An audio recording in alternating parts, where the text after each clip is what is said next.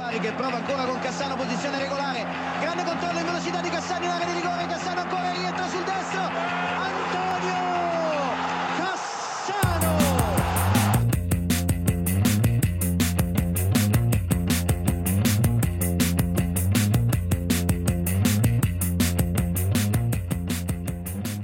Já, það er punktur á basta vikunar, það er ég, Árnir Þóruður, Björn Már í Danmörku og já, bara heiðuskestur, Tokki, mættur aftur frá bandarækjunum.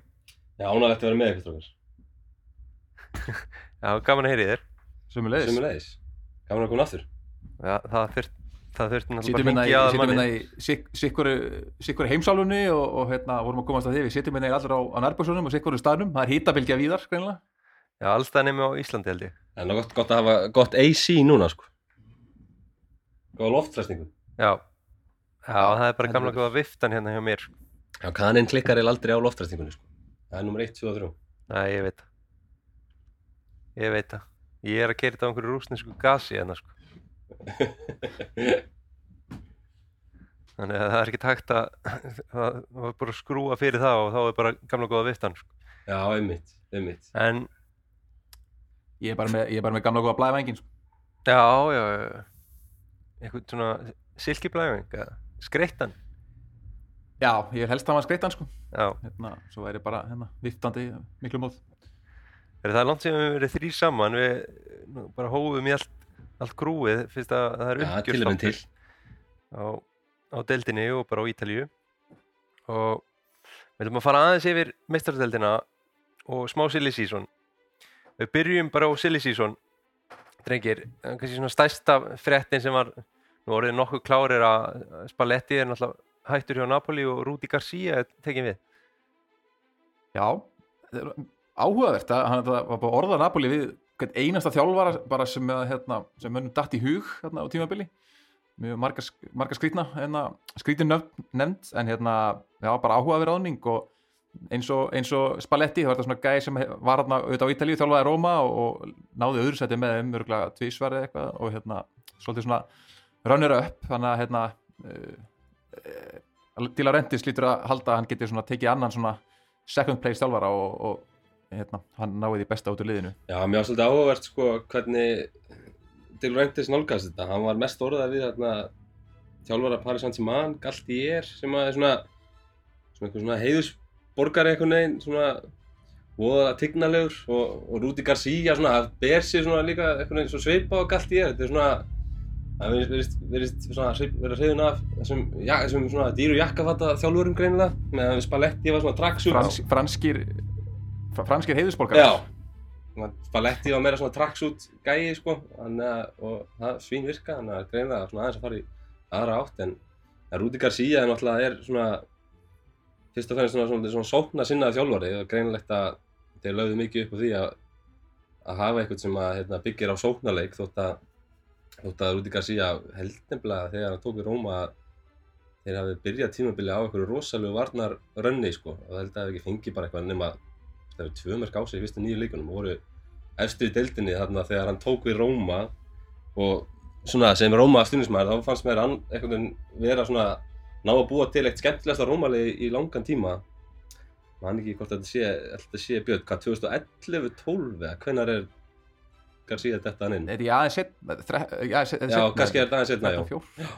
já en hérna, já, í sammála, hann er mjög mjög, hann var mjög svona direkt fótbolti og hérna, þau spilaði mjög hratt það var með Gervinho upp á topp og, og hérna, og svo þetta Totti að mata hann og Nangolan hann á miðjunni og bara, já, ríkalega svona hraður bolti og það sem ég fannst svona skemmtilegast við hann svona taktist, svona, það sem var kannski nýtt þá, það var hvað hann svona löðust mikið tilbaka móti Róma og það er erfitt að leysa það sem þjálfari en hann leysti það svolítið mikið með að spila boltanum rosalega hratt fram og tilbaka veist, upp, upp og niður völlin spilaði boltanum fram í fremstu línu tilbaka á markmannin einhvern veginn bara með löngum sendingum veist, svona vertikal upp völlin og þannig svona tegði á anstæðingunum og svo gæti hann alltaf sett bara eitt bolt í gegn og það var gervinni á mættur í stunguna einn fyrir og, og skoraði. Þannig að þetta er svona skemmtilegur direkt þjálfari. Og kannski svolítið svona leikmenn hérna, Napoli hópurinn er svolítið svona byggur nokkuð svipa upp. Það er mikil breytt á miðinu eins og þegar Róma var með eða þegar var með Róma og sömulegis með kantmennin það er hérna hraði fram á við og,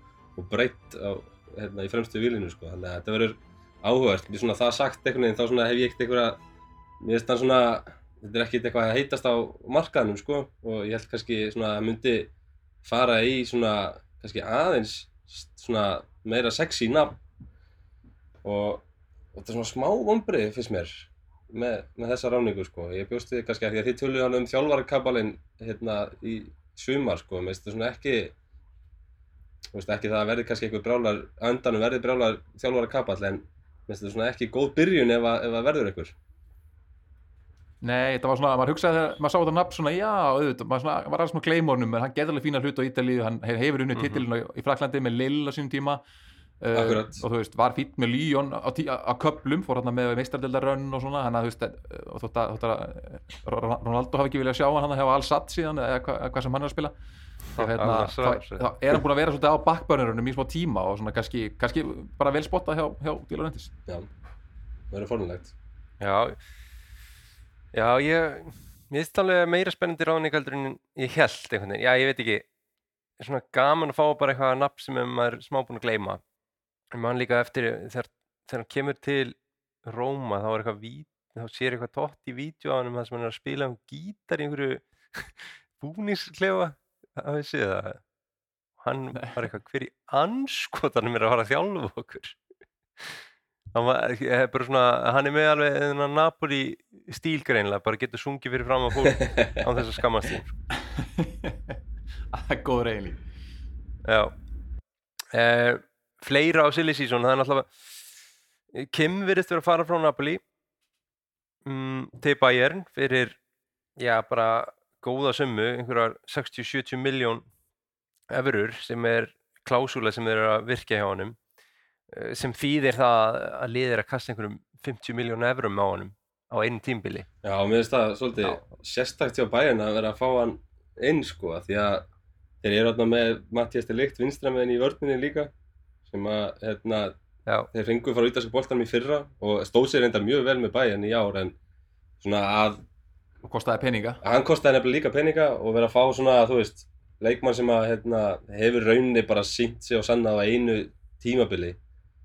Uh, finnst mér alveg svona, ó, nokkuð svona ekki þá frá, frá búndislíkunni finnst mér svona óbæjanlegt sko og finnst einhvern veginn bara, ég held einhvern veginn að hann myndi Já. kannski ekki stökkva annað, hann Kim var að segja, nema, þú veist eh, ég held að maður getur kannski fara þá til Manchester United eða stærri liða heldur en þetta bæinn sé náttúrulega vissulega mjög stórt en svona oftar en ekki er þeir bara, þú veist, að einoka þýsku, búndislíkuna og þeir hafa ekki verið hérna, þeir hafa ekki unnið meistardældina síðustu tvö ár unnið náttúrulega fyrir þreim árum með COVID ári við geggjali, en svona einhvern veginn ég held kannski, þú veist, að það væri meira spennandi fyrir að vera í, í Napoli.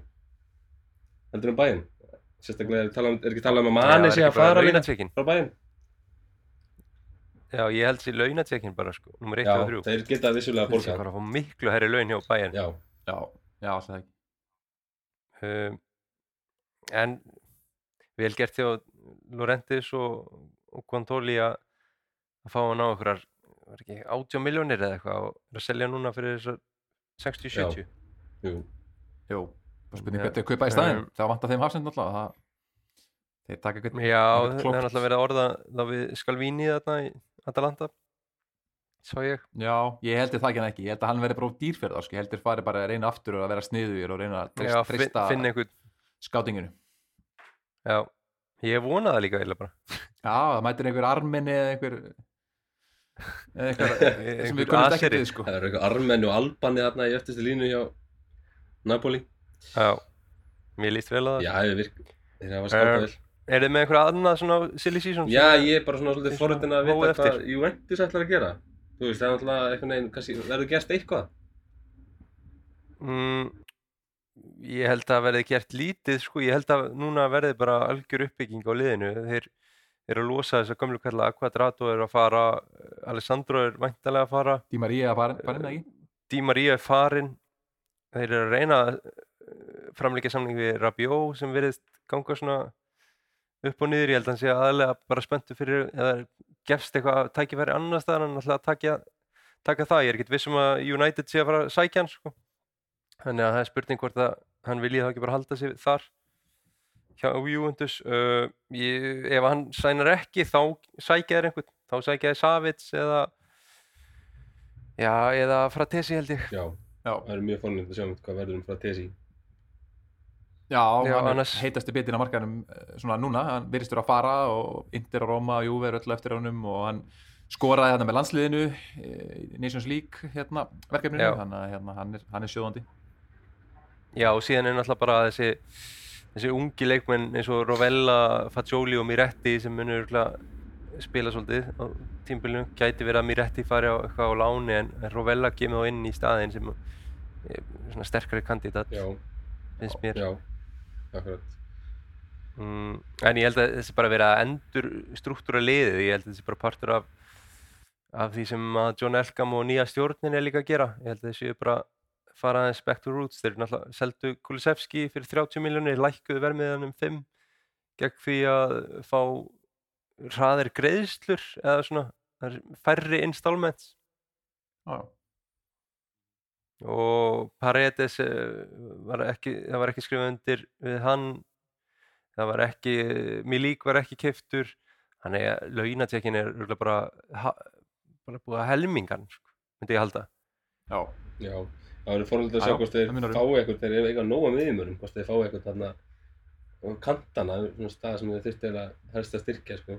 En ég er líka svolítið forritin Mhm. með, þú veist, svona ef við tökum þetta algjörðu framhjálöfi, bara með Napoli, þú veist, hvort að þetta sé, hvort Kim sé sá fyrsti til þess að fara, hvort þetta verði bara þá brottkvar, stóra brottkvar sumarið hjá Napoli, Spalletti, Kim og, og Osimhen og jafnvel, hvort að hvað er að fara á endanum, þetta er einhvern veginn svo ófyrir síðátt. já, ég held að annarkur, annarkur dósi menni eða hver að skilja að fara, ég held að fara ekki báðir. Nei, Nei, ég held að það fara ekki báðir heldur. Ég, en ég eh, talaði nú um það fyrra á tímabilin að mér finnst alveg líklegt að Til Laurentiis myndi reyna að kassa inn á þessum leikmunum meðan þeir eru að toppa bara, þeir hafa aldrei verið upp góðir. Og Napoli er bara þannig lið að þeir eh, það er ekki botlis við vasar þarna. Þeir þurfa að selja þegar að leikmennir þeirra eru mjög eftirsóttir. Já. Björn, er þú með eitthvað á silly season sem að þú vilt ræða? Eru Rómverjar að gera eitthvað indir eða Asju? Ég hef nú ekki séð mikið sko, Eh, Róma er náttúrulega bara er, reyna, er búin að selja hann einhverja ung, unga leikmenn og er að brúa eitthvað bil, fjárhaldslegt bil núna fyrir 30. júni en svo er reyna bara að semja aftur við í bala og, og reyna að byggja blið fyrir næsta tíðanbíl sko.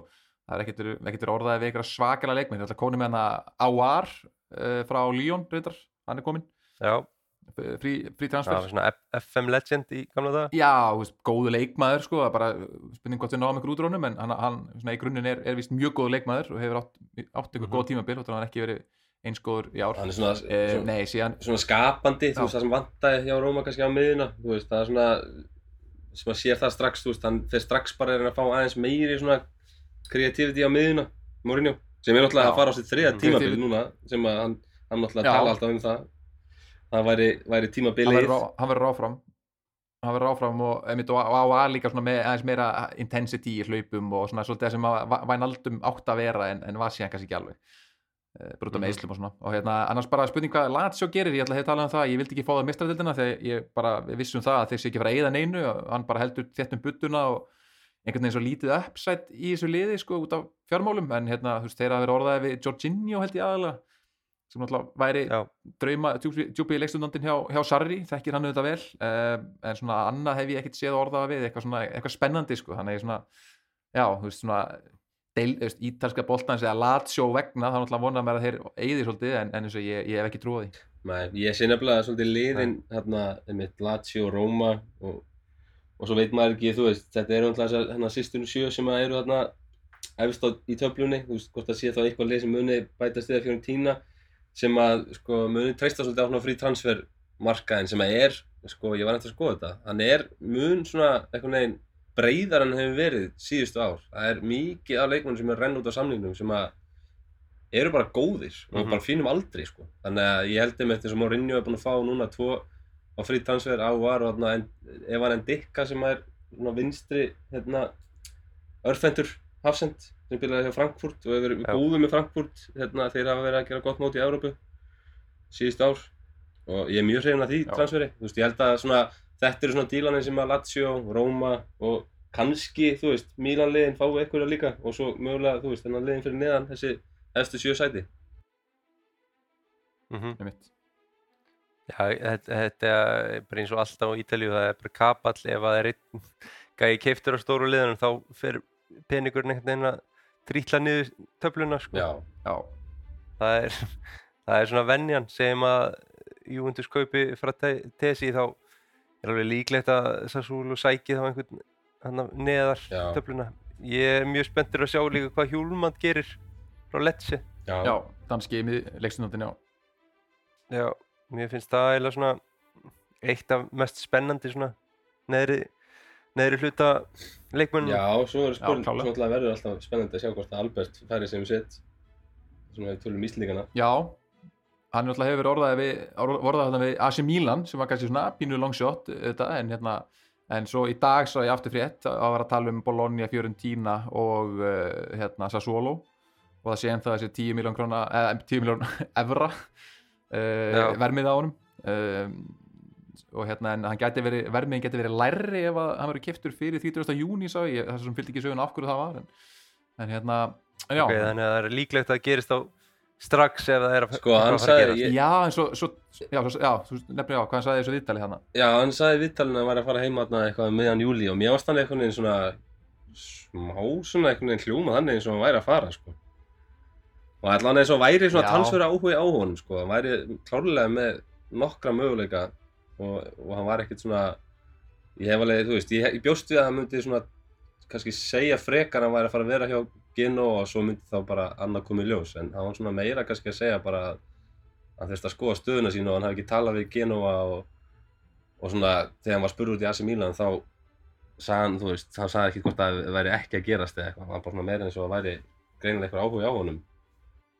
Já, ég, mér, Já, finnst, ég- mér finnst bara þokkalega líklegt að hann geti farið eitthvað, sko, eins og segja, hún líður vel aðna og hann vittur ekki vera áfram, það er ekki það, en ég held um að, þú veist, Genoa muni bara vera tilbúið að taka kassið, sko, þú veist, 10 miljonir hann fyrir klúb Mhm. þarna er bara, er hellingur, ég meina, í þessu umhverfi sem þeir eru í, er, er þetta konum ykkur bandarinska eigendur, en þeir eru ekkert eitthvað hrúin peningum í þetta, þannig að, hérna, þú veist, það eru, eru sportingdirektorar í Ítalíu sem að myndu gefa ansi mikið til að fá inn 10 miljonir evra í, í kassi, þannig að, hérna, og geta geta sóðið naglasúpu á, á, á svoleiðis penning þannig að hérna, ég held að mér er stálega þokkalega líkur á að hann uh, færi sér eitthvað um set sko. Og þannig að ég hef heyrt nýtt, heyrt nýtt annað en bara sem að lesa í fjölmjölum sko. Nei, mitt maður, það heyrði ja, aðeins hann Albert uh, Inga. Albert Brynjars, já. Talaði um það. Albert Brynjar Ingarsson uh, talaði um það að ef hann er að fara þá er það bara líklegast Ítalía eða Spán. En ég myndi halda að það væri bara Ítalía Já, Um, það líði bara mjög vel þar Eru þið með lið fyrir hann? Eða þetta að velja lið? Fiorentína er það ekki Evrópa aftur á næsta ári og eh, náður ekki ykkur erbjörnsætti hann í lokin og, Jú, og bara að sjá hann einhvern veginn aðeins vinstra megin hérna hjá, hjá Italiano og sérstaklega ef hann verður áfram það, ég held að geti Mhm. verið ansi gott sko það væri Já. mjög gott ef hann hérna, fengi múfið til Fiorentina, það væri örugglega svona ég veit það ekki, er maður, ég, maður kæmur náttúrulega manni mjög ó, óvart ef hann færi til AC Milan sko, en, en svona ef að maður ætti að vera raunsætni, þá væri Fiorentina klárlega spenn, mest spennandi múfið, svo held ég einhvern veginn að hann myndi blómstra eins og við tölaðum áður í Sassuolo. Já Já. Já, já, það minni stemning á Klárlega. pöllunum en, en fótbolti sem þið spila náttúrulega stórkostlegu sko en eins og ég, Fiorentína, það væri svona draumamúf, ég, þá myndi ég mæta til Flórens og kiki í kurva Fiesole og, og, og stiðjan þar Mm -hmm. uh, Förum aðeins þá bara í meistaradeldina þennan úrslita leik Inter Man City. Um, Já, kannski náttúrulega búið að rýna svolítið og reyta um hann. Er eitthvað sem þeir tóku eftir sem er kannski ekki búið að taka teikið á? Nei, það er nú, nú sá leikur sem búið að greina í hvað mestu döðlutnar eftir hann sko. Hérna, þetta var bara eins og við spáðum hér, menn bara jafn leikur og hérna e, þú veist eins og XG sínu líka það var ítalsku liðin sem öll töpuðu sínum úslaleikjum unnu XG bardaðin í, í öllum úslaleikjurum sem náttúrulega gefur ekki neitt.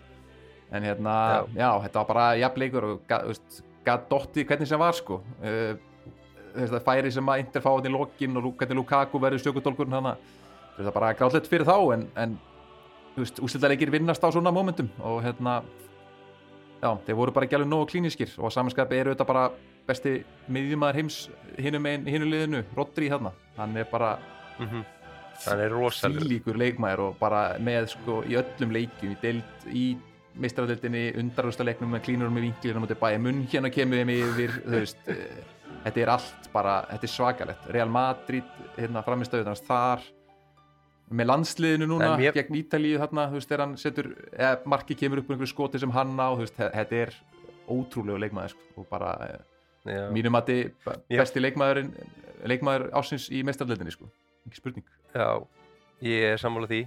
Uh, ég held svona, uh, við hittum alveg á rétt að miðjan hjá Inter skákaði samt alveg miðjan hjá sitt í þessum leik. Þeir lokuðu gjörsanlega á, auðvitað kemur hann og Rodri upp og skorar en svona bara í mest megnis að leiknum þá náðu þeir að, að kæfa svolítið miðjuna, þannig að Barella og Brozovic og, og Mkhitaryan og Já. þarna, Mkhitaryan kemur inn á fyrir Çalhanoğlu eða ekki, minni það. Jú, mér varst þeirri mitt ná að loka alveg fáralega vel á það. Það ætla kannski að litast svolítið því að Kevin De Bruyne þurfti að fara út af og John Stones var maðurinn sem var að taka ákvarðunar um að miðjunni hjá City sem alltaf að munna alveg miklu. Já, já, já. En mér varst einhvern veginn, ég er sammála, mér varst miðjan hjá Inter alveg, hérna, það kom mér svona svolítið mikið óvart, sko, þeir náðu að halda einhvern veginn spilinu á City í skefjum.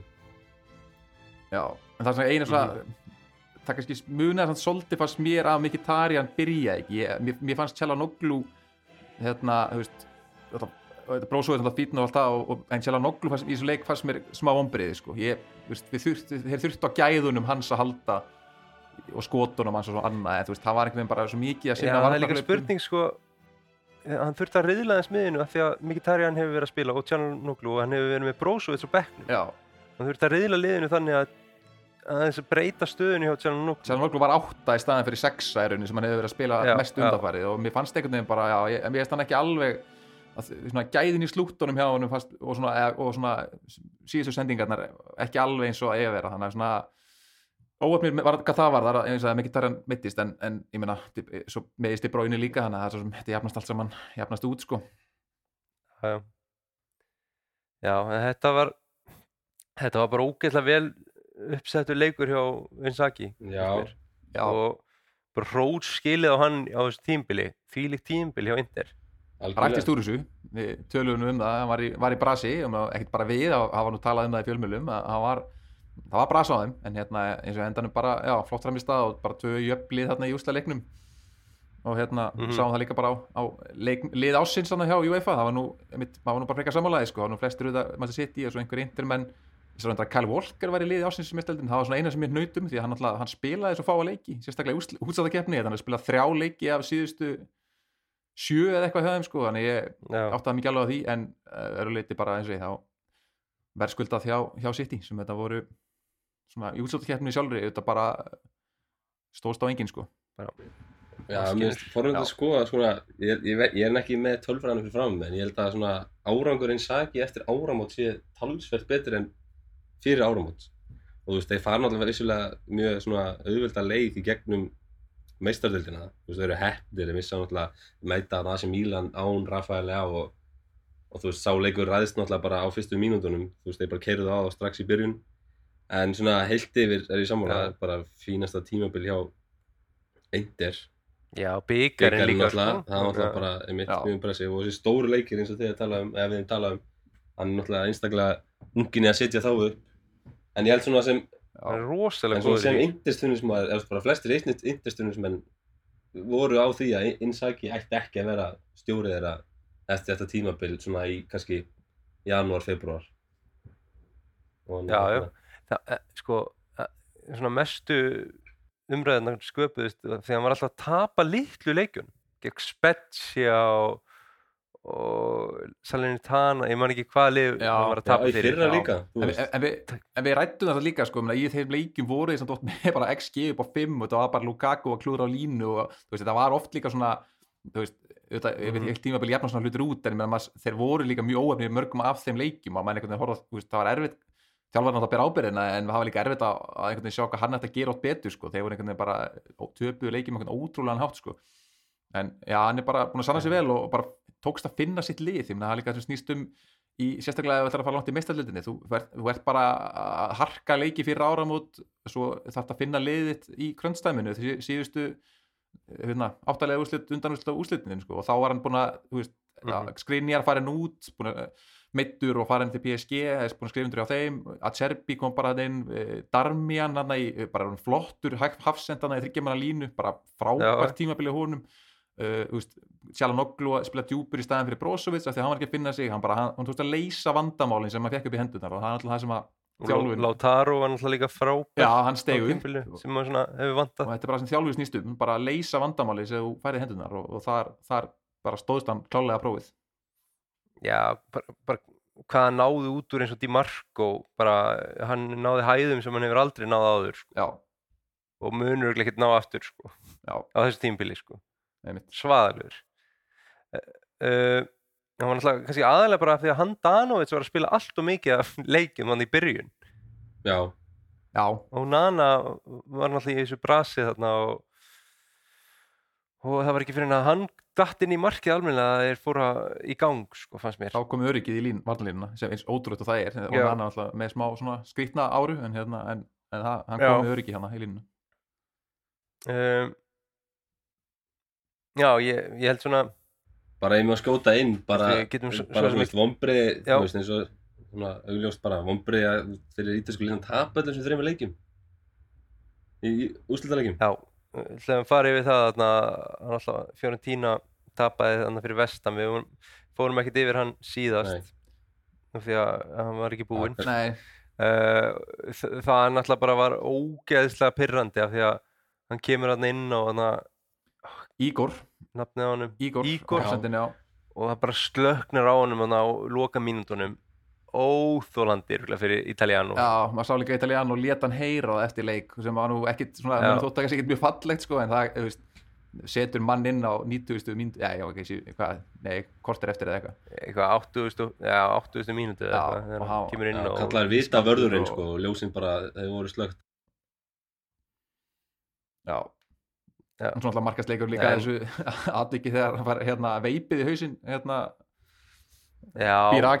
uh, Já, Biraki. Menn ég held að það fikk í glas en alltaf fekk veip hérna í hausinn sko, þess vegna fekk hann skurð og Já. hann stóð við hliðin og dómar hann líka það verið í sig, að- hann muna ekki miklu að þessi hefði enda bara í línuverðinum sko, þá hefði þetta nú, þá hefði leikurinn sem bara verið flutað Já, af sko, þannig að hérna. Já, þetta var, það var hitti það var, þessi, þessi keppni þýðir eitthvað fyrir liðin það, það er augljóst á, á stuðnismönnum og öðru þannig að þetta var bara stemning Já, ég Já, þetta var, þetta var svona uh, súrsælt uh, Calcio is back uh, þarna eftir þetta vídeo að hafa tapað öllum úrslitaleikjunum en samt sýnir sýnir styrka að ná í úrslitaleikina sko, með einhvern veginn allstar underdog nema kannski Roma Sevilla, það var svona 50-50 leikur. Já, svo var eitthvað Já, að tala um að Fiorentina Vestam er underdog bara budgetlega séð er það underdog Já, og svo var eitthvað að tala um að ég mitt að hérna, þess að bæta gráfón og svart og tapaði líka Ítalía úrslitaleiknum í U20, HM U20 og, og Ítalía tapaði náttúrulega undarúrslitunum á móti undan hérna, Spáni í þjóðöldinni þannig að á einhverjum, á einhverjum hvað, tveimur vikum eða hvað sem þetta var var þá hérna, var þetta var þetta, það var súrt ítalska vorið, það var það stóðst ekki alveg það endaði, súrt en, en, en eins og við, margt, jákvæmt það að vera með 4-5 lið í undanúrstum eða eitthvað hvað það var og, og annað. Og ég sá nú hérna U20, 20 hérna, úrslutaleik og hann var spilaðar á þetta var basically miðgrasið í FH sko í, í, í apríl sko. Þetta var bara, þetta var ekki fótballaleikur sko. Þannig að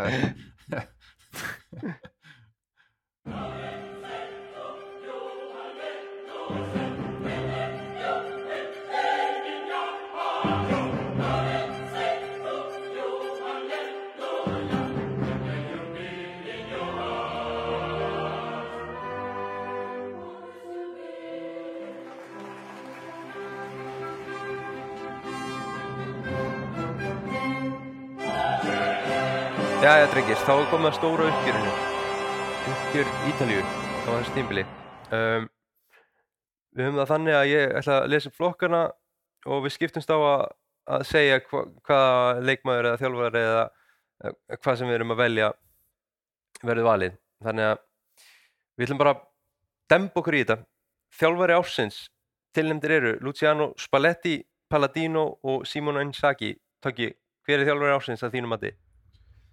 Það er bara að segja sér sjálf, það er Luciano Spalletti. Ég held að enginn okkar hafi búist við því að þeir myndu rúlla upp þessari deild. Við spáðum held ég, ef við, við hlustið á uppbyrðum þáttum, hvað voru ekki með á- allir í 5. eða 7. sæti og, og kannski ástæða fyrir því var einhvern veginn að þessu leiti, þú veist, náttúrulega mistu þarna stóra pósta í síðasta sumar og, og líka bara var spennlegt í einhvern veginn, lítil trú á Spalletti þótt að hann sé frábær þjálfari og þá bara einhvern veginn, veist, þetta ár sem hann átti og hérna og bara þetta, tí, þetta ótrúlega tímabill hvernig hann fekk þessa, alla þessa leikmenn, þessa nýju leikmenn að, blandast við þá leikmenn sem voru fyrir og, og hver einasti leikmaður blómstræði hjá Napoli.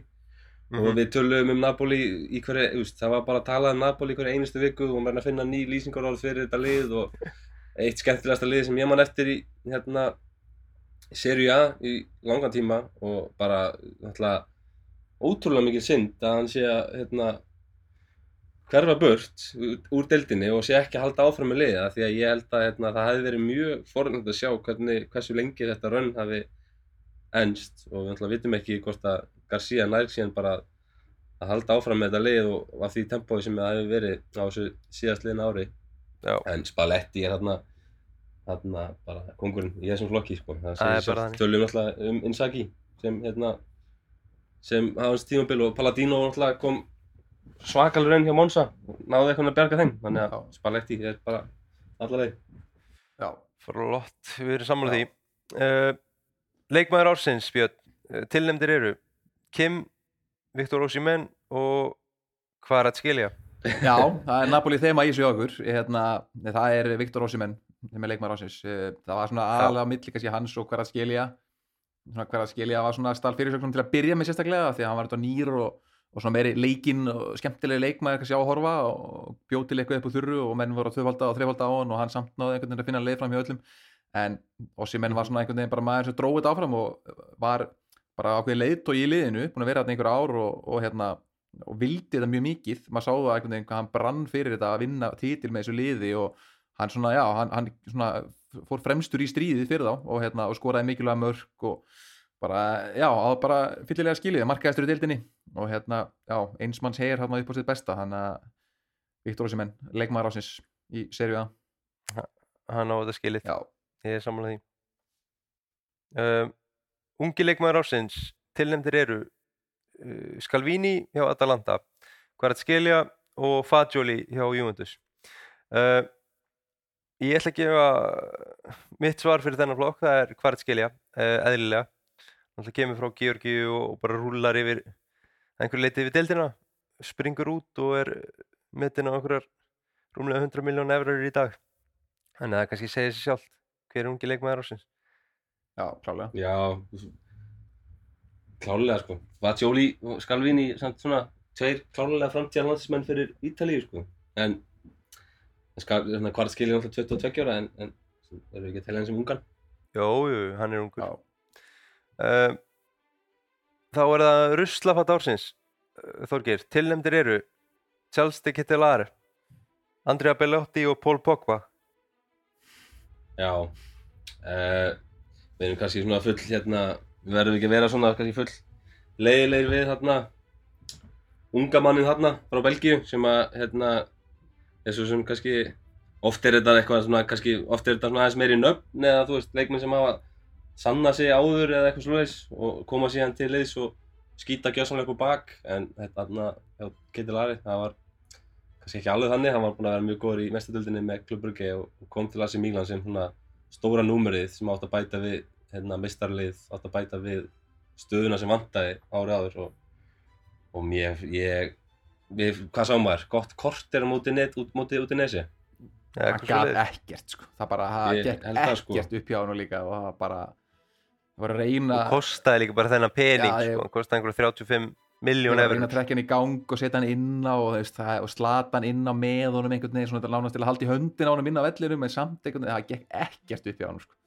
Og það segir nú ímislegt að Andrea Bellotti sé tilnendur með 0 mörg sem framhér í Já. Roma en að hann vinni samt ekki í Einmitt. það er eiginlega ótrúlegt sko. Já. Já, Uh, þá er það bara næsti flokkur leiku tímabilsins tilnefnd þeir eru leikir uh, Juventus Atalanta 3-3 í hörkuleik Napoli Juventus 5-1 fyrir Napoli þar sem þeir gjössanlega rulluði við Juventus liði og Atalanta Salernitana 8-2 fyrir Atalanta. Uh, Björn, leikur tímbilsins er? Já, það er Juve Atalanta, 3-3 og eh, já, já, hlustendur kannski sammála því en það, en það voru, voru góðir menn að lýsa þessum leik ef mér skallast ekki. Það voru jú, jú, það passar. Þeir bestu. Einmitt, þeir bestu í bransanum. Uh, Já, bara skemmtileg leikur. Þetta var, þú veist, enda á að vera þetta bara slagulegur þetta mittið tveggjara liða sem voru að berjast þarna um, um Evropasæti og, og já, bara skemmtilegu leikur í alla staði. Hinn er leikindir meiri einstefna 5-1, Napoli mútið Juventus var líka alltaf ótrúlega leikur sem maður sá hversu góði Napoli eru einhvern veginn og þeir ætluðu sér hluti. Juventus ætlaði að mæta bara og Já. loka leggja rútunni og taka bara 1-0 sigur í sinni eins og þeir gera oft í Napoli en, en Napoli bara skellti þeim og, og svo Atalanta sælni tana 8-2 er þetta bara líka já, mikil, mikil æsingur og falleg mörk og Það- skemmtun. það eru mörkin sem selja þannig já, að, uh, Atalanta við þetta hérna með tvo, tvær tilmyndingar, það kemur fáum ávart. já, einmitt Það er alltaf gaman að horfa á þá. Um, þá er það bara stuðnismenn tímbilsins. Tilnefndir eru stuðnismenn Róma, Salernitana og Napoli. Uh, það er ég. Ég ætla að tilnefna óvænt Róma stuðnismenn. Ég, ég held bara svona á miðu það auðvitað Napoli var á toppnum eða allan tíman og þeir mættu vel, þeir fóru einhverja fílu þarna á tímabili og fóru að púa á liðið. Og alltaf störlu stemming eftir eftir þarna þeir tryggja sér skúdettóin og þarna í síðustu leikjunum fyrir það. En Róma stjórnismenn bara mættu og voru bara klárir allan tíman það var uppsett á alla leiki. það var alltaf smekkfullt. Já. Og já bara einhvern veginn Mourinho búin að rífa stjórnismenn Róma bara vel í gang fyrst mér já, Já. og, og líka bara eitt af mómentum ársins þannig að þegar að Dybala er kynntur sem leikmaður Róma munið já, Já, heldur betur. fyrir utan Fendi höllina í Róma, það var, var svakalegt það telur líka hart inn í þetta Uh, stuðningsmenn Líka bara voru upp, uppselt alla leiki. Tró, Já. smekkfullt á Olympico, alla leiki, þú veist, og það, það eins ótrúlegt og einhvern veginn, maður, maður, maður hefði alltaf haldið að menn hefði hægt að mæta en þeir held áfram að mæta, þátt fyrir ekkert svo gott tímabili á Róma. uppsett heimaleik í Uh, uh, HJK Helsingi, það er svona, það segir ímislegt já og þetta er ekki lítill völlur sko þannig að En klárlega verður ekki að gefa líka hérna, smá spesía, Salernitano spesía, smá ást eða? sko ástæða fyrir að, ég, að við erum með Salirinn Tana þarna í, í stuðnismenn tímbilsins tilnefndir eru náttúrulega bara þeir mættu á einhverja neða bara miðvíkudagur í hádeginu eða eitthvað. Það var eitthvað svona skrítin tíma á leiknum og það var bara smekkfull það var ekkert verið að það var eh, fólk tók frí, bara gott frí í vinninu til þess að mæta. Og síðan alltaf mómentið þegar þeir ja, eiðilegja þarna titil titil uh, fögnuð Napoli þegar þeir taka móti liðinu klukkan eitthvað tvö um nótt í salærin og, og sprengja flugelda fyrir liði sem var að gera jafntöfli við Napoli sko. ég verð bara að gefa þeim mennsú fyrir það sko. Já, verðskuta, Það er klárt, það er klárt. uh, síðan kemur svona uh, já, ómöntu flokkur heiðusgestur ásins tilnefndir eru tókið, þetta er þinn flokkur Kevin Spacey Lamelo Ball og Helen Mirren tveir leikarar og einn leikari. Förum við bara Kevin, ég ætla- Kevin Spacey náttúrulega á, á, á tó, heiðuskestur á Torino, Lamelo Ball hjá AC Milan og Helen Mirren hjá Lecce já, Við, ég ætla að taka útlokun aðferðinu þarna og, og, og hérna erum búin að útiloka cancela Kevin og- Spacey. Og útiloka Lamelo Ball líka þannig að ég ætla bara að gefa drottningum þetta mætti Lecce treyja þarna og Já, ef ég maður rétt mynda af henni standandi með henni aðri sátu sko já, rosaleg mynd sko bara með bandana á hausnum og allan pakkan sko. já, ég, ég bara, þetta, þetta er bara nóg bara, hvað kallar maður þetta Eh, bara ekki sjens að vinna þennan flokk nema Helen Mirren Þú veist, ég fer- þetta er líka einhver óvæntasta nafn til þess að sjá á Lecce-leik sko. ferði yfir tók ég upp, Helen Mirren. upp á þrjár myndirna hennar með Kevin Spacey og Helen Mirren upp á myndirnar með, on the spot sko. Já, ætlum við að taka það núna að kannski geima það fyrir setni, setni Já, tíma. ég Já, við verðum að gera það Við verðum að gera það Var hún ekki í þarna Mamma Mia eða? Er ég, er ég í ruglinu eða? Nei, mér minni það sko uh, Jú, var hann ekki Jú, jú, hún Pírs var í, Brosnan og, jú, jú, hún var í Mamma Mia. Já, Herru, þá, við höldum áfram. Markmaður ásins. Tilnefndir eru Mike Mannion hjá AC Milan, Provedel hjá Lazio og Onana, Andri Onana hjá eh, Inter. Já, það eru Björn. sko, Mike Mannion náttúrulega er kannski MVP-inn hjá, hjá AC Milan að einhver leiti þegar, þegar hann fór úr markinu og, og Tatar Sano, Íslandsvinnurinn kom inn þá þetta hrundi leikur liðsins en, en uh, Ivan Provedel markmaður ásins þetta kom mjög ódýrt frá uh, frá Spezia uh, við þetta munum eftir honum hjá hérna frá því fyrra, frábæð markmaður í fyrra tó- kom að lítinn pening til Lazio átt að vera varamarkmaður hinn markmaðurinn sem var keiftur á miklu hæri upp hann byrjaði fyrsta leik, fekk rautt spjald eftir 5 mínútur. Uh, Provedel kom inn á síðan þá og misti ekki setið sitt aftur og átt sett eitthvað met í flest clean sheets í röð eða, eða, eða clean sheets á tímabilun þetta er eitthvað hlægilega mörg clean sheet. Uh, Já, jafnaði með Buffon, ég held að það var einhver 23 clean sheets á tímabilinu, sem er náttúrulega með rosalegt. frekar ný, nýja varnalínu uh, Romagnoli og, og veist, Patrik var að spila leiki hérna þetta eru menn sem ég hef ekkert Já, bara með einhverja Doriola fyrir fram að sig, þetta er ekki eins og þessi með Lilian Thuram og, og, og fleiri menn, Nei, sko. og hann er líka spilandur Sarri þannig að hann þarf að kunna spila með löppunum og hann sýndi að hann gaf það alveg bara alveg auðvöldlega, þannig að já, Ivan Provedel markvörður ásins Já, Já, ég velti fyrir mig hversu oft það hafa verið, sko, þessi flokkur hefur verið með einum ítala, hann náttúrulega er ítali Þetta nafni kannski svona er meira einhvern veginn króatist Já, hann er ættaður eitthvað- Provedel frá Úslandi held ég, eða Úkræðin já, Já, já, en ég veit, hann hérna, það er náttúrulega margir ungir efnilegir, hann við erum hrifnir af kjötseknum hann í, í Cremonese og, og Vicario átti líka gott tíðum Já. Þannig að svona, ég held að þessi flokkur, svona ótrúlegt einhvern ég, man ekki eftir því, sko. nei. Uh, Vardamaður ásins, tilnæmdir eru Kim Min-jae, eh, Theo Hernández og Di Marco hjá Inter. Uh, við verðum náttúrulega að gefa kóru mannum þetta, sko. Hann var náttúrulega bara sturlaður Carpe Diem kongurinn í Ganna, vördinni. Gannamstala Eh, þetta tímabil alveg bara út í eitt sko. Bara gekk frá þeim, sko. Tattu ásins og... Já, tattu ársins, það lítur að vera. Já. Eh, Varnarmaður ársins.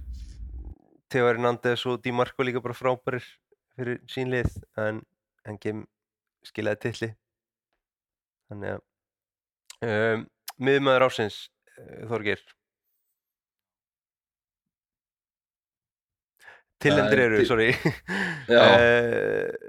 Barella hjá Inter Lobotka hjá Napoli og Milinkovic Savic hjá Lazio Já, það er svona kannski svona minnsta nafnið þarna í flokkinu sem að við verðum að gefa bara það er herstjórun þarna tónlistastjórun á miðinni segi ég, hjá Napoli Já. það er Lobotka sem að hérna, tók þrjú stíðin á okkur Íslandingunum hérna bara á, á 7. júni Já, hann átti, stórbrótið tímabil og, og er skemmtileg saga þannig að hann hérna, fær þessi velun og það er líka bara gaman að gefa einhvern leikmanni einir, tveir, þú veist, muni vinni þetta skilur, skriljum sinnum og hafa unnið nánast áður og gaman að gera eitthvað nýtt. Já,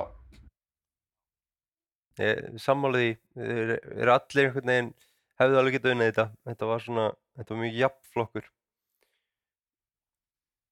Mm, síðan er það já sko ég tók út þarna bestu leikmennir tvo í kantar ársins og framherja ársins. Þannig að kantar ársins tilnefndir eru Rafael Leao uh, Lukman hjá Atalanta og, Sakanje hjá Lazio. Tók út hvert skilja því að hann vann ungi leikmaður ársins. Þannig ég vildi ekki hafa hann hann inni líka. Já það er, það, af þessum þreymur þá ef, að, ef við tökum hvað að skilja út með, sáttur með sín velun sem ungi leikmann ásins þá, þá var það Rafaeli á Lúkmann og Sakani áttu mjög góða spretti sérstaklega, bara mikinn hraða og, og settu slatta mörgum og assist. En Rafaeli á þetta bara mikilvægsti leikmaður hans í Mílan og uh, þú veist, þegar hann- munir á liðinu þegar hann spilar og hann, og hann spilar ekki, hann er svolítið eins og Mike Mannian að þýletinu til og hérna, hann skrifa undir nýjan samning og er svona já, framtíðar svona það sem segir manni að AC Milan geti haldið áfram að vera svona góðir þú veist, þeir eru, við höfum talað um það, þeir eru með frekar unglið og þú veist, ekkert margar stórstjörnur í öllum stöðum en, en svona það alveg á að sé að það segir manni samt að þetta projekt sé á leiðinni eitthvað, að, að hann hafi skrifað þetta nýja samning þannig að hérna, Rafael Leá fær þetta Mhm. Flott, við erum samanlega því um, Þetta er alvöru veluna hátíðina. Já, þetta er, þetta er lengra en nettan það er bara þannig Eh, Framherri ársins tilnefndir eru Paulo Dybala uh, Dia hjá Salernitana og Lautaro Martínez hjá Inter.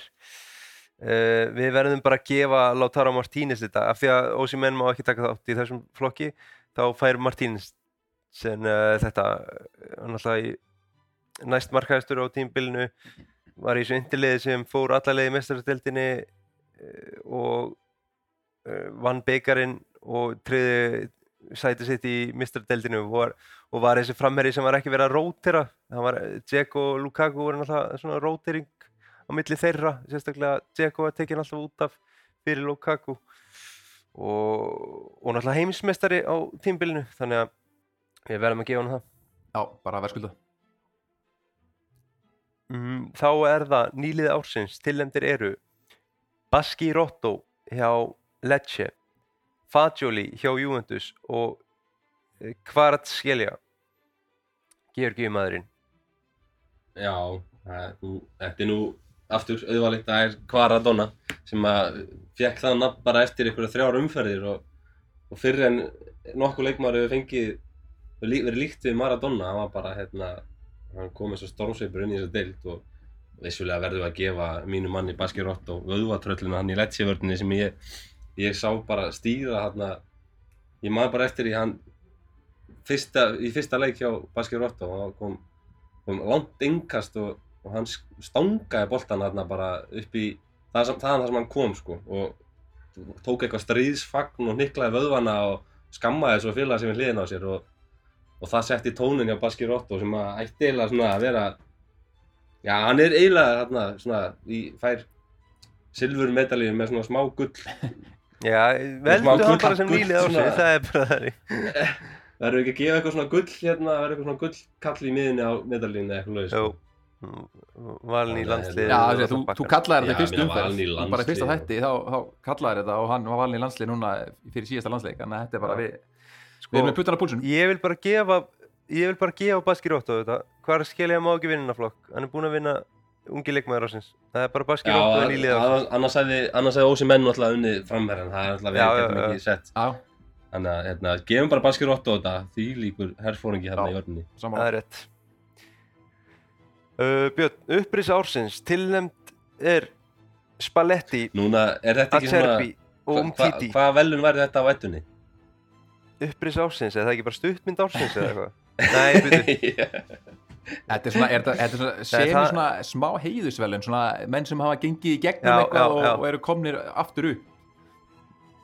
Já sko, nýlið ársins er stuttmyndin sko, það er svona Já, það er svona leikstjórar að sanna sig sko upprís ársins er einmitt, eins og þú segir það er svona smá heiðusvelun Já, eins og þetta eru já, Spalletti, Acerbi og Umtiti sem eru tilhendir ég meina Spalletti, þetta bara aldrei unnit ítalska titilinn og hefur gengið gegnum ímislegt, tekið marga slægi og, og Mhm. svona uh, Acerbi auðvitað uh, hérna bara ekki bara he- hefur verið að spila í lélugum liðum, ég meina hann, hann kom fyrst fram hjá hérna Sassuolo fór ekki múið til AC Milan, var ekki nógu góður þar, greindi síðan með krabbaminn uh, læknaðist af því og náði að vinna þessu upp, fór til Lazio og fyrir til Inter og spilaði úrstæleik meistarleildarinnar uh, bara mikill karakter og var auðvitað líka Erbu meistarleið í Ítalíu og hérna, já, hann bara á, það er hann sem vinnur þessi velun uh, frábær upprisa og svona uh, hann er á setni stigum fyrirsins en hérna hann á nú einhver, einhver ár eftir og bara er orðin bara byrjunlegs maður í Ítalslandsliðinu og hjá Inter hann búin að spila sér algjörlega inn í lið og heldur til fræga bekknum þannig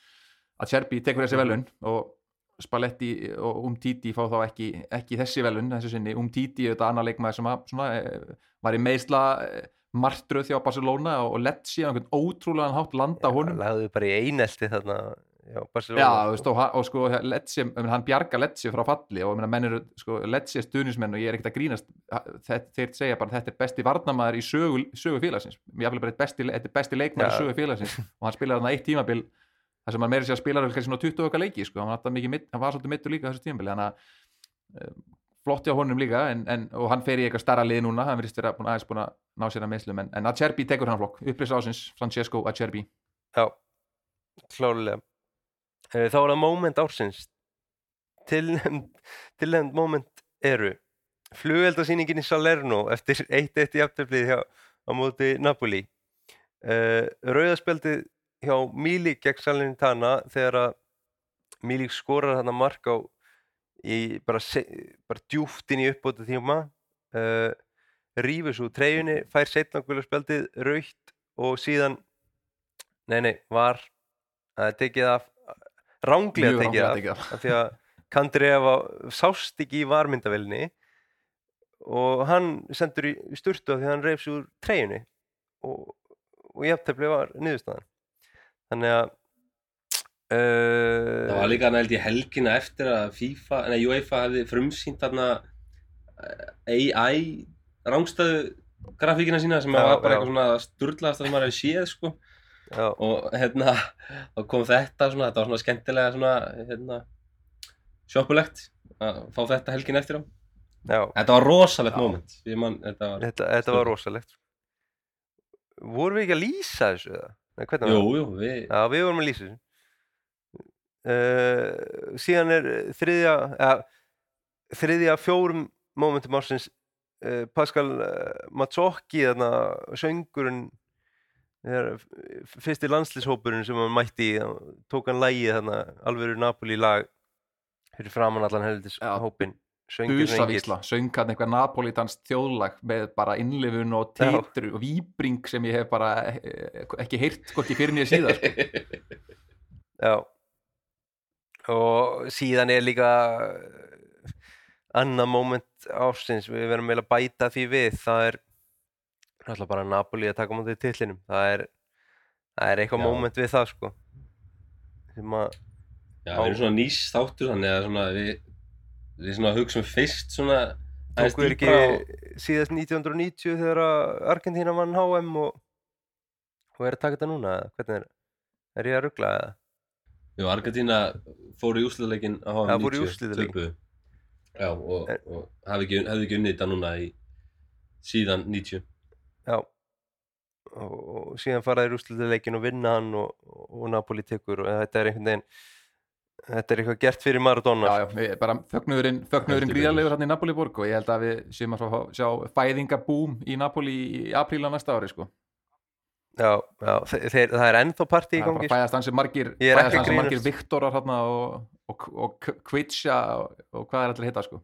uh, ég, ég ætla samt að velja moment ársins í svona fótboltamomentið uh, þegar að Mílik færi þetta rauðaspel gegn Salerno og einhvern veginn Salerno líka taka stigum og Juventus á, var ekki á Allianz, jú, minni það. Uh, þannig að það er moment ársins. Íslendingur ársins kalla megin, tilnefndir eru Bjarki Steinn hjá Foggia eh, eh, Mikael Egil hjá Spezia og hjá Venezia og síðan er það Albert Guðmundsson hjá Genoa uh, Toggi? Já, ég hérna Já, kannski menn á móti mér sem eru ekki sammála myndum við vilja velja hérna annað ég í þessu af því að þetta ótrúlega mark hans bjarkastegi sem hjá, með fokki að hérna á dögunum, það ætti nú bara skilið velun en, en við verðum að velja hérna hann Albert Guðmundsson sem veist að sem tók slægin með Genoa og, og hérna fekk ekki eins og símtal frá landslýstjálfarnum og, og var síðan bara eitt af, eitt af helst ástæðanum af hverju Genoa fyrir upp kom náttúrulega með Já, bara- kom, náttúrulega til Genoa þegar þeir voru fallandi, eða, voru sökkvandi skip og, næst síðan að, mm -hmm. að rísa á við og það er alltaf bara geggja já, Já, líka bara var eitt besti leikmaður bildarinnar bara í, á tímbilinu já valin lið ásins ég held að já, Mikael Egil náttúrulega kom Venezia liðinu kemur hann í janúar og, og kemur þeim í playoff-seti og bara langt í playoffsinu. Þeir voru ár, þeir voru Eh, það voru, já, kemur þegar liðið er í fallseti með þessu, þannig að það er Já, algjör já. vissminningur uh, og síðan alltaf Bjarki stegt hjá Foggia sem að ég bara tekur alltaf yfir þegar kemur að því að taka playoffs leiki. Já, bara hann elskar playoff-leiki, hann eh, já, kemur þarna í janúar líka og, og hérna á láni frá Venezia og, og á stórkoslega tímabil með Foggia og í þetta playoff sem er 30 liða playoff um eitt sæti og þeir fara hann í gegnum með einhver með einhvern ævindýrlegum hætti gegnum einhver fjögur einví þar sem þeir skora held ég skora eitthvað 13 mörg í þessum einvíum og þar að veru sjöðir að uppbúta tíma og þetta er bara hann skorar allavega tvö eða þrjú og á, all, og fleiri assist og skorar hann í í, í úslitareiknum, þá skorar hann í, í setni leiknum uh, kemur hérna fótt sér inn í leikin aftur en, en það duði ekki alveg til. Þau töpuðu fyrir Lekko uh, Lekko fyrir upp í, í bíðitin annars ári og fótt sér sittur eftir með sárt ennið en, en frábær framistað hjá Bjarka hjá fótt sér og bara ég spenntur að sjá hvað hann gera næsta ári, hvort hann eh, fara aftur til hérna Venezia í, í bíðildinni og, og fara að berast fyrir sætsinu þar eða, eða hvort það séu önnur lið sem hafa áhuga á honum en lið sem hafa hort á hann í þessu, hérna, þessu playoffum þau sjá alveg að hann, þetta er frábær leikmaður Já, það er vonandi bara að Venezia treyst á hann og hann spili. Egil Mikael Agli ekki. Uh, síðan er Íslandingar ársins Kvennamein, þar eru tilnefndar Sara Björk Gunnarsdóttir Alessandra Jónsdóttir og Guðni Átnadóttir uh, hjá Asi Mílan Já, um, Björn, það er, það já, er það eru náttúrulega, við vorum með fjóra stelpur í, í toppliðunum á Ítalíu, Sara, Alexandra, Gunni og svo Anna Björk, þessar þrjár eru tilendar og með Sara Björk það er enda í öðru seti í Juventus. Og hérna, ég gef Söru Björk þetta, en hún var mikilvæg leikmaður, spila aðeins að glímaði meðsli en, en spila alltaf í stóru leikjunum og var fengið til að spila stóru leikina og, og þessi þóttar hafa ekki, Mhm. ekki nátt í þetta skipti þá, þá var hún átt hún gott tímabil heilt yfir og hérna og já, bara mikilvæg hlekkur í þessu liði. Eh, Alexander átti mjög gott tímabili á Fiorentina, aðeins meira kannski upp og niður starta aðeins út úr liðinu tímabili og kom aftur inn með miklum krafti.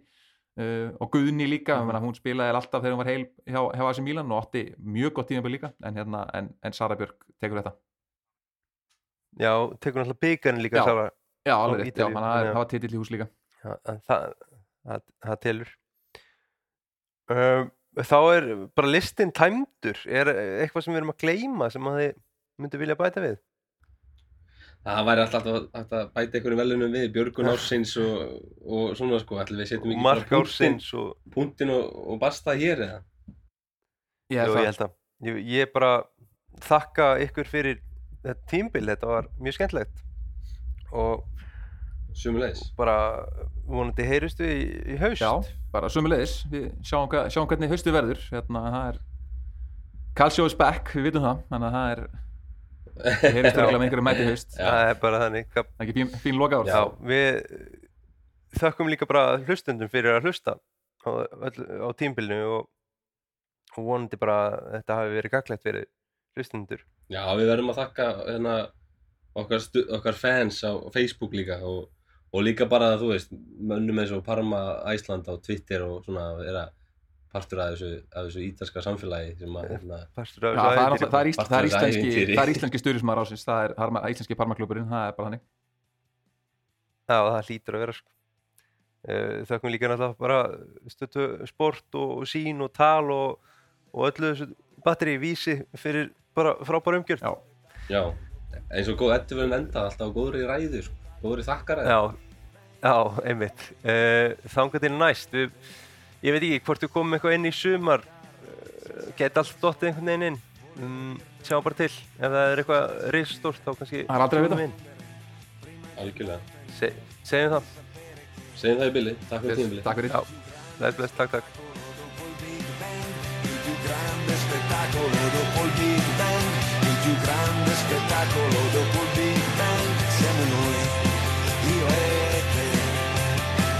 altro che il Luna Park, altro che il cinema.